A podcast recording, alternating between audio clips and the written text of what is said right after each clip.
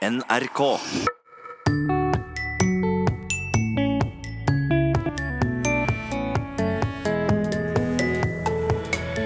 Han har aldri sett noen grunn til å tilpasse talemål til talerstol. Språket ditt og dialekta di er jo en del av personligheten din. Altså, språket ditt er jo sjelens ansikt utad, så det er meg.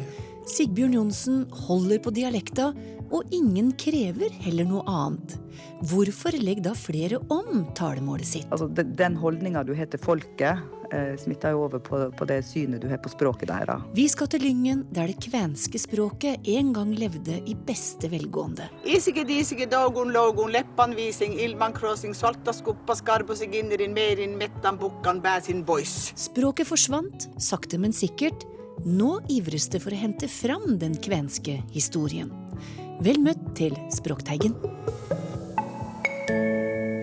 I Språkteigen forrige uke prata vi om det å være bidialektal. En bidialektal språkbruker er jo på en måte dialektversjonen av en flerspråklig språkbruker. Så det er en person som har tilegna seg å bruke mer enn ett norsk talemål eller en norsk dialekt i det daglige. Rikke van Nummeren, førsteamanuensis ved NTNU, står bak den mest omfattende forskninga som er gjort på bidialektale språkbrukere i Norge. I mange land i Europa gjør kravet til et normert talemål at mange nettopp har to talemål, det normerte pluss en dialekt. I Norge har vi ikke et slikt krav. Du kan prate dialekt sjøl i de fineste saler og på de viktigste talerstoler. Likevel blir flere bidialektale. Færre klarer å gjøre som Sigbjørn Johnsen og holde på sin opprinnelige dialekt. Språket ditt og dialekta di er jo en del av personligheten din. Altså, språket ditt er jo sjelens ansikt utad, så da, det er meg, og det, slik skal det være. Sigbjørn Johnsen har alltid prata dialekt. Peing på bok har vel, om en vil eller ei, blitt en signaturfrase for Johnsen. Gjennom åra har han vært både stortingsrepresentant for Arbeiderpartiet, finansminister for både Gro Harlem Brundtland og Jens Stoltenberg, og nå fylkesmann i Hedmark. Men hele tida har han vært fra Ringsaker. Johnsen verken kan eller vil legge om til noe annet mål enn det han prater til vanlig. Dette er et opptak fra en debatt i 1982, der spørsmålet var om det skulle stilles mistillit mot Høyres handelsminister Arne Skauge. Her er eh, Arbeiderpartiets hovedtalsmann Sigbjørn Johnsen. At eh, flertallet i Stortinget overhodet finner å kunne utstede nærmest en frifinnelseserklæring overfor banken, er helt ufattelig. Og det kreves stort politisk magamål for å være i stand til å fordøye akkurat det.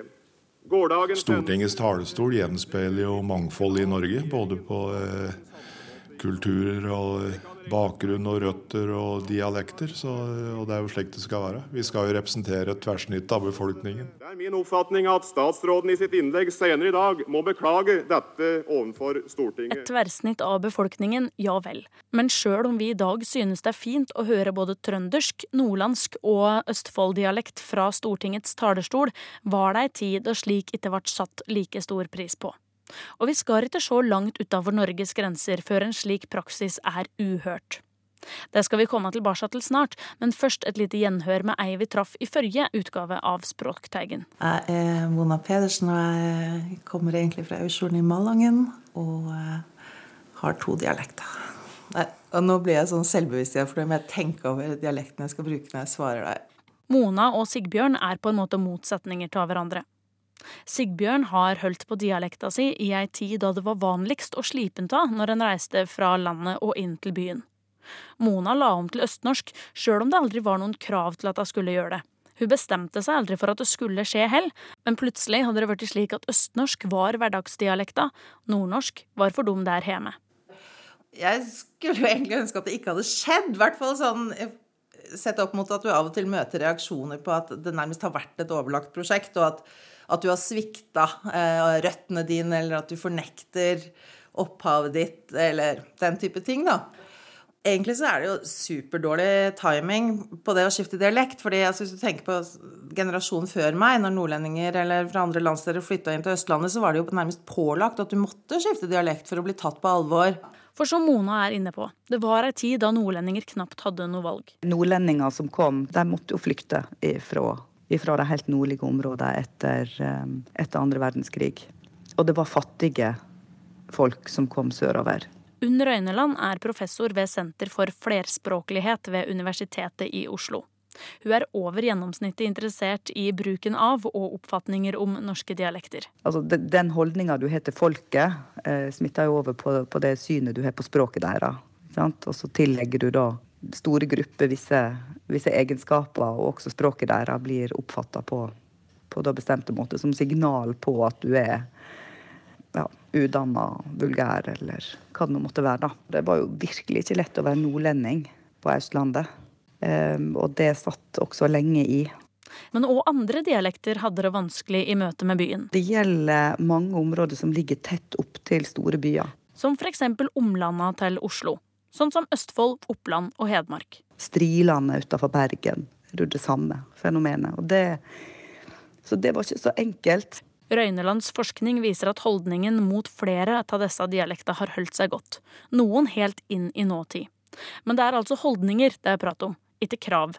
For sjøl om vi har to standardiserte skriftmål, så har vi ingen standard for talemål i Norge. Nei, det stemmer. I Norge kan vi snakke akkurat sånn som eh, vi vil. Det sier språkforsker, professor og forfatter Helene Uri. Altså jeg tror bakgrunnen for at vi har eh, endt opp eh, der vi, der vi er i dag, det er nok at vi virkelig ikke ønsker å være et elitistisk språksamfunn. Vårt ideal her i Norge har hele tiden vært bredden. Det har vært eh, folkemålet. Det har vært at alle, alle skal med. Det høres ut som en politiker her. Men eh, det er nok mye politikk som, som ligger bak den situasjonen vi er, vi er i, i dag. Vi har et, eller to da, nye skriftspråk i Norge. De som alle vet, grunnlaget for den ble skapt på 1800-tallet. Eh, så vår historie med våre storebrødre i øst og sør gjør nok at vi har endt opp som mer opptatt av at alles talemål skal være representert, og at man da har hatt en motvilje mot å sette én standarduttale som eh, Eller to, da. Kunne man jo tenkt seg én nynorsk standarduttale og en bokmål. Men det har vi altså ikke ønsket å gjøre. Eh, litt av forklaringa ligger i alt det som skjer med radikaliseringa på 70-tallet, og slagord som eh, skriv nynorsk, snakk dialekt. Eh, men vi kan godt gå enda lenger tilbake i tid, tilbake til 1878. For da vedtar en altså i Stortinget at undervisninga så langt som mulig skal foregå på bøndenes eget talemål. Og det er jo veldig spesielt. Altså, det var ikke en forventning om at ungene skulle tilpasse seg lærerens språk, men heller motsatt. Og dette har blitt nedfelt i, eh, i, den norske skolelova, og er en praksis som fortsatt er gyldig i dag. Så selv om det kanskje ikke skjedde fullt ut fra dag én, så har det vært veldig viktig for bruken av dialekt og statusen som dialekt har hatt. Og med historien friskt i minne, språk som skal tilpasses bøndene, union med Sverige og 400 år under Danmark, så har vi noe av bakgrunnen for at Norge har utvikla seg helt annerledes enn f.eks. Danmark, Tyskland eller Sveits. Jeg var i Bern i forrige uke, og der eh, er de også veldig opptatt av dialektene sine. Og de blir brukt mye. Men det forventes likevel at de veksler til høgtysk i formelle situasjoner. Så en foreleser på universitetet ville selvsagt snakke høgtysk. Så dette er normen veldig mange plasser eh, i Europa. Så Norge er veldig, veldig spesielt her. Altså at en ikke har to slike repertoar som en, som en forventer at en skal veksle mellom. Altså en standard og eh, et, en dialekt. Og da får vi situasjoner der en stortingsrepresentant kan stå på talerstolen i Stortinget og prate om å ha stort politisk magamål. Og Johnsen har òg bevist at det ikke er bare høgtysk som gjelder ute i Europa. Da vi var forlova med EU eh, fra juli og framover til november, da folkeavstemninga var i 1994, eh, da var jo medlem i noe som heter ECOFIN, altså forsamlingen av finansministre i EU. Eh, og der er det jo slik at alle får lov til å prate sitt eget språk. ikke sant? Det er jo Det er jo en del av systemet, men det blir jo oversatt, sjølsagt, slik at andre kan skjønne det. Og da åpna jeg med noen velvalgte engelske ord, og så, og så sa jeg bare at den er vel turn to my native tongue. Og da, da rykka det litt i forsamlingen. Og så prata jeg på Kav Hedmarks, men da hadde jeg manus, så vi hadde alliert oss med den danske tolken. Så, så de skjønte jo hva jeg sa. så eh, jeg tror at eh, det er lenge til neste gang antageligvis noen prater Ringsaker-dialekt i en offisiell EU-forsamling. Men spøk til side. Unn Røyneland mener Sigbjørn Johnsen er en av dem som virkelig har vært med på å ikke bare normalisere dialektbruk i offisielle sammenhenger, men òg å fjerne en del av de fordommene som finnes mot enkelte dialekter. Når Oslo-folk, eller folk fra storbyene, flytta ut i distriktet, så var det gjerne fordi de da eh, var leger eller prester eller eh, ingeniører. Altså noen som hadde veldig høgstatusyrke. Eh, og de, den posisjonen du, du har, vil jo, vil jo, farge måten folk oppfatter både deg og språket ditt på. De koblingene som vi etter hvert gjør mellom det å snakke på en viss måte eh, og det å ha en viss eh, sosial posisjon i samfunnet. Så det at Sigbjørn Johnsen da velger å holde på en dialekt som tradisjonelt blir forbundet med Eh, med lavstatusyrke eller med eh, det rurale, med bondebefolkning. Eh, å bruke det i en posisjon som er mer høy status, det er ganske sterkt gjort. Det kommer jo godt til hode det første innlegget jeg holdt på Stortinget litt utpå året i 1974. Og det var, det var jo allerede der dialekta mi. Men har du noensinne følt noe press eller fått noen negative kommentarer på åssen du har prata? Nei, egentlig ikke.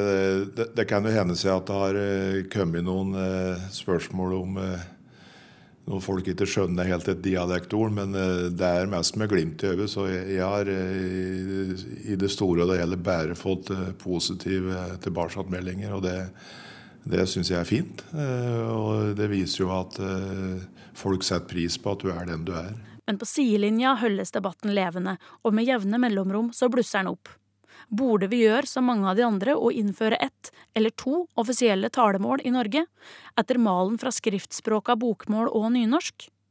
Unn Røyneland ser dilemmaet i diskusjonen. Og jeg vet at eh, mange nye brukere av norsk eh, er fortvila over all den dialektvariasjonen. Nå har de lært seg én måte, og så reiser de til en annen plass, eller de skal ut på radioen, og så hører de så vanvittig mye forskjellig. Når vi kommuniserer med folk som ikke har norsk som førstespråk, eller eh, når vi kommuniserer med folk fra Sverige eller Danmark, kunne det sikkert i mange sammenhenger vært en fordel å ha hatt det som del av det språklige repertoaret. Samtidig så syns jeg vel kanskje ikke at det er tilstrekkelig godt argument for å skulle innføre det f.eks. i den norske skolen, at her skal vi eh, lære opp barna i et standard talemål. Det er det jo ingen tradisjon for, jf. vedtaket fra 1878. Da vil det jo fort bli et hierarki, et, eh, et eksplisitt språklig eh, hierarki der du sier at dette er det som eh, stiller høyest, og som er det beste. Eh, mens eh, dialektene da fort kan bli skubba inn i eh, skuggen og i den private sfæren. Og det tror ikke jeg jeg iallfall ville synes var så heldig. Det er jo noe av det som er veldig fint i Norge. Nettopp at, eh, at folk kan bruke dialektene sine i alle sammenhenger. Helene Uri mener òg at dialekta absolutt har sin verdi, men mener vi egentlig er forbi det punktet i diskusjonen. Jeg tror jo at eh, den, eh, eller de standardene allerede finnes. Altså Man eh, opererer jo med en slags talt nynorsk på samme måte som vi opererer med en slags talt bokmål. Så de finnes jo. Så da er det jo mer å fortsette diskusjonen om hvor de skal brukes, som, som vil være fremtiden. Ikke å etablere dem, de finnes. Men samme òg som hender. Sigbjørn Johnsen får du aldri. Nei, det vil være helt unaturlig for meg. Da, da vil jeg føle at det, frem, det kommer noe fremmed ut av eh, sjela mi. For da er det ikke meg lenger. Min nærmeste kamerat, altså kjerringa mi, som vi sier på Hedmarken, eh, kommer jo fra Danmark. Og, det er klart at når jeg, når jeg er nede hos svigermor og møter den danske slekta, så da er jeg nødt for å gjøre det. Altså, eh, de, de, prater jo ikke engelsk, ikke sant? og kavjysk kav jysk er jo enda verre å skjønne enn hedmarksk. Eller dialekter fra Ringsaker. Så, så, da hadde jeg noen ganger nesten hatt lyst til å prate engelsk, ikke sant? men, men da, da, må du prate sakte, og, og for så vidt bruke en del knotingsord, for å bruke det uttrykket. Ellers så er vi ikke i stand til å skjønne hverandre. Går det an å få en liten smakebit av åssen Sigbjørn Johnsen høres ut når han prater med svigerfamilien i Danmark? Nei, det, er, det, det høres ikke pent ut, da. Nei, Sigbjørn Johnsen hadde ikke lyst til å knote på språkteigen. Det hører til en annen sfære i hans dagligliv. Reporter med nesten lik dialekt var Helle Therese Kongsrud.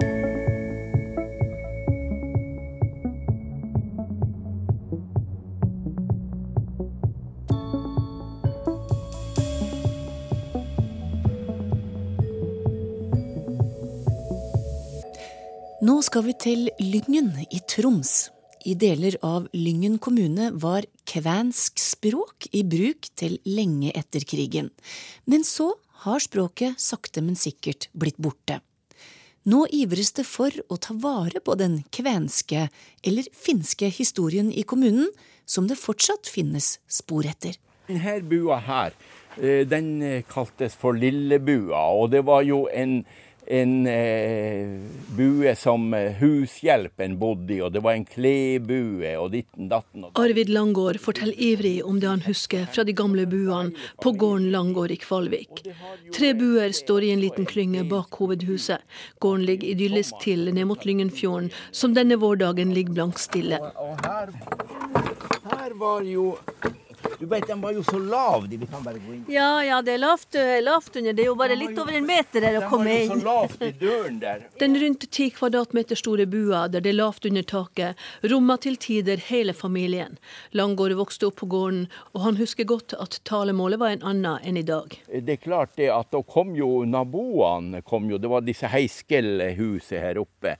Altså kom Bergvoll, og det var jo De prata bare kvensk når de kom.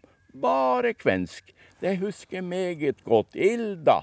Ilda Wain, svarte dem, og så bar det på kvensk. Også Langårds foreldre snakka kvensk, eller finsk som de kalte det den gang, til sine naboer.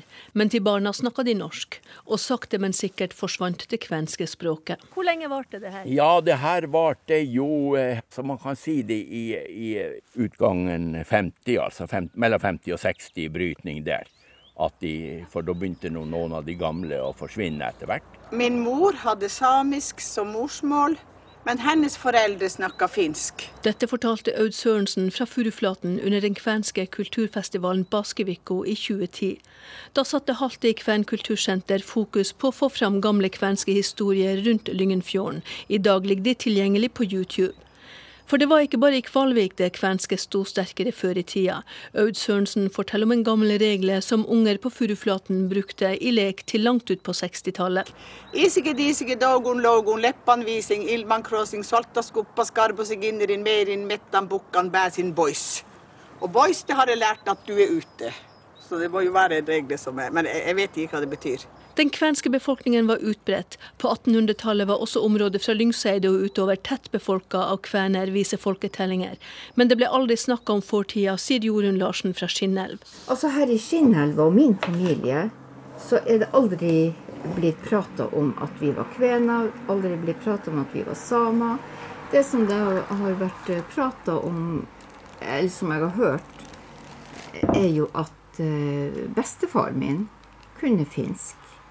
Eh, kunne samisk og, og, norsk, da. Og så trodde jeg jo en stund at jeg var same. Sjøsame. Og det er jeg jo òg, for så vidt. Men den kvenske historien har aldri Det er aldri noen som har brydd seg om den. Hva du vet om den nå? Nå vet jeg jo, og det er jo ut ifra at jeg ble interessert i det, så vet jeg jo at uh, mitt folk de kom fra uh, Tornedalen på slutten av 1700-tallet. Hva du tenker om nå i dag, at, uh, at det tas fram nå? Ja, jeg syns det er fantastisk. Fordi at jeg tror Eller jeg vet folk, folk får tilbake en slags sånn egenverd.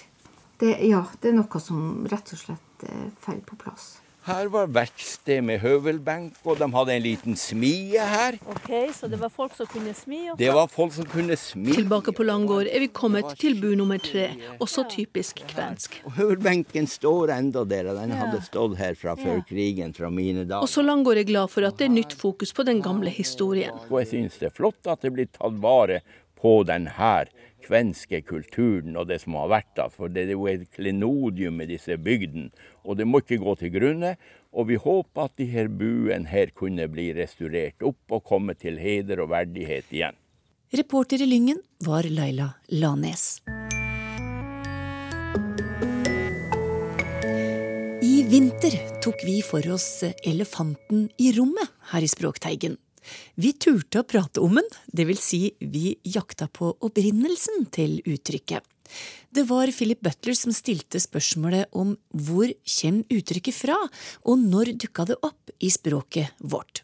Og vår mann på faste uttrykk, Georg Kjøll, lette for å finne svar. Jeg vet ikke om vi kommer helt i mål med, med, svaret, men jeg tror vi kommer et godt stykke på vei. Og det er ganske, sånn, ganske lang og kronglete reise fra opprinnelsen, det vi, det vi tror er opprinnelsen til, til, der vi har eh, havnet nå, med noen sidespor her og der. Så det er eh, absolutt stoff å fylle på etterpå også, men det vi, det vi helt uh, sikkert vet, er at elefanten er et, et rikt og viktig litterært symbol, og at det uh, antagelig har en, et litterært opphav, dette her.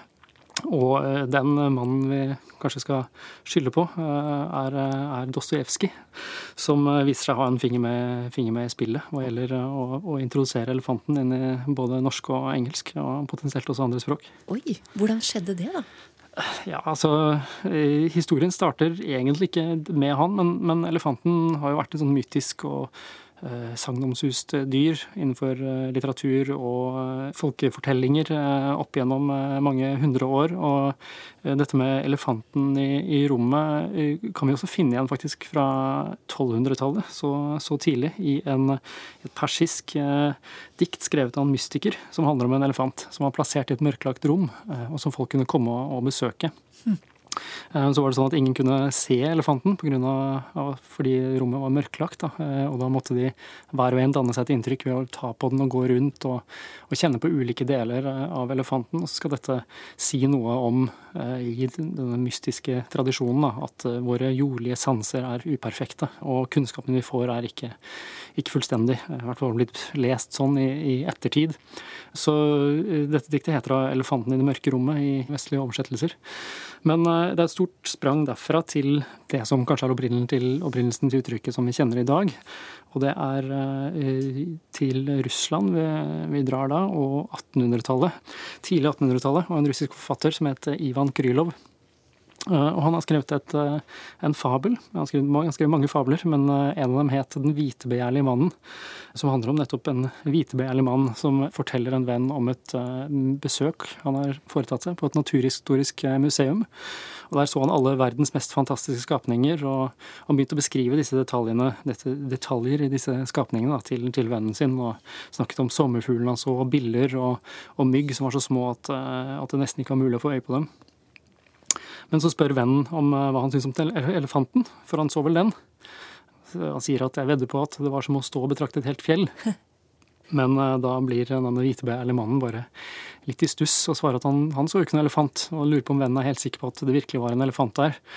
Og det, det var det jo, uh, hvorpå han får høre da at uh, han får beskjed av denne vennen at uh, må aldri fortelle dette videre, fordi faktum er at jeg aldri la merke til noen elefant i, i museet. Så, så, dette ligner jo litt da på måten vi bruker uttrykket på i dag. Ja, for vi må kanskje si det. Hvordan bruker vi det? Ja, nå, nå er det ifra to ulike meninger eh, som er beslektet. Den ene handler om at eh, man ikke legger merke til noe stort og altså i utgangspunktet iøynefallende, sånn som den den hvitebegjærlige mannen på, på museet. Mm. Og det andre er at vi eh, legger merke til det, vi vet at det er der, men ingen tør å snakke om det. Så det er tabu, tabubelagt. Så det er et spørsmål eller en person eller en hendelse som eh, alle kjenner til, men eh, ingen vil snakke om av ulike grunner. Mm. Så eh, den første, første, betydningen er jo den vi finner i i denne fabelen, den russiske fabelen. Og omtrent 50 år senere så plukkes dette opp igjen av nettopp eh, Fjodor Dostojevskij, hvor han henviser til denne fabelen i en roman som heter De besatte på norsk. Og i en diskusjon om politikk og religion og Russland og Frankrike og den russiske folkesjelen, så sammenlignes eh, en litteraturkritiker som heter Belinsky med den hvitebegjærlige mannen i, denne fabelen. Og så sies det at han ikke legger merke til elefanten i museet, men han konsentrerer all sin oppmerksomhet mot de franske sosialistbildene. Uh, er, er bildet som brukes der. Og da, dette, Denne fabelen var nok ganske kjent på, på den tiden, men det at Dostojevskij henviste til den, gjorde jo at den også fikk en viss anseelse og, og ble, ble, bevart for, for ettertiden. Så da har den blitt plukket opp igjen antagelig en god del senere. Vi finner ikke bildet brukt i så mye litteratur etter at Dostojevskij publiserte sin, sin, roman, men uh, litt utpå 30- og 40-tallet så har vi belegg uh, eller Oxford English Dictionary har, eh, har belegg, funnet belegg fra 1935 og 1948 i filosofiske diskusjoner om, om ting som er åpenbart og umulig å egentlig ignorere, men som er der, som på samme måte som denne elefanten i, i rommet, men som ikke ses eller ikke snakkes om. Mm. Og eh, litt etter hvert så, så, sprer denne andre betydningen seg, da, som vi snakket om som, som dette tabu, tabutemaet. Det sprer seg i forskningslitteraturen, og spesifikt i samfunnsvitenskapene. Så det eh, stemmer nok, som en eh, påpekte i språktagginggruppen din, at mm. ja, det var Tove Tresdal som sier at dette har kanskje noe med familieterapi å gjøre, og at dette uttrykket er brukt mye der så om ikke det kommer derfra, så stemmer det nok at eh, denne retningen og denne forskningstradisjonen har vært med på å etablere dette som et eh, begrep som siden har fått spre seg videre. Mm. Men vet vi noe om når det dukka opp i norsk, da? Altså vårt språk? Eh, ja, Det første, første, belegget vi finner på norsk, er fra 1979 i en oversettelse av en, en amerikansk eh, bok. En, eh, ja, en amerikansk-engelsk eh, bok hvor man snakker om 'elephant in the room'. Og da er det oversatt direkte til norsk. Denne elefanten det er snakk om her, er mannens aldringsprosess. Så boken handler om mannens overgangsalder. Eh, ja, og det er jo nettopp et poeng at denne boken er oversatt fra, fra, engelsk. Eh, og det er ikke mange andre bøker eller eh, skriftlige kilder fra denne tiden hvor dette uttrykket brukes. Og det har vel først spredt seg alvor, for alvor på, på 2000-tallet. Ettersom man har blitt klar over uttrykket i kanskje amerikansk sammenheng. Da. Nå har det blitt en ganske vanlig trope i, i debatt og, og politikk. Det er, det er, stadig anledninger til å bringe opp dette her, enten for å påpeke at eh, ting ikke var som man trodde, eller for å løse opp i tabu, tabuer, eller hva nå enn, en formål er. Mm. Det sa lingvist Georg Kjøll om bakgrunnen for uttrykket 'elefanten i rommet'. Dette spørsmålet henta jeg fra Språkteigens Facebook-gruppe, og der dukker det stadig opp spørsmål som jeg tar med meg inn hit i radioen. Du må gjerne bli med i gruppa det stilles artige spørsmål, og det gis opplysende svar om språk.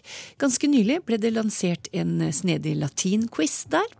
Altså er dette ei gruppe som deler villig om språklig undring. Du kan òg sende spørsmål på e-post teigen krøllalfa nrk.no. Vi høres om ei uke. Ha det bra.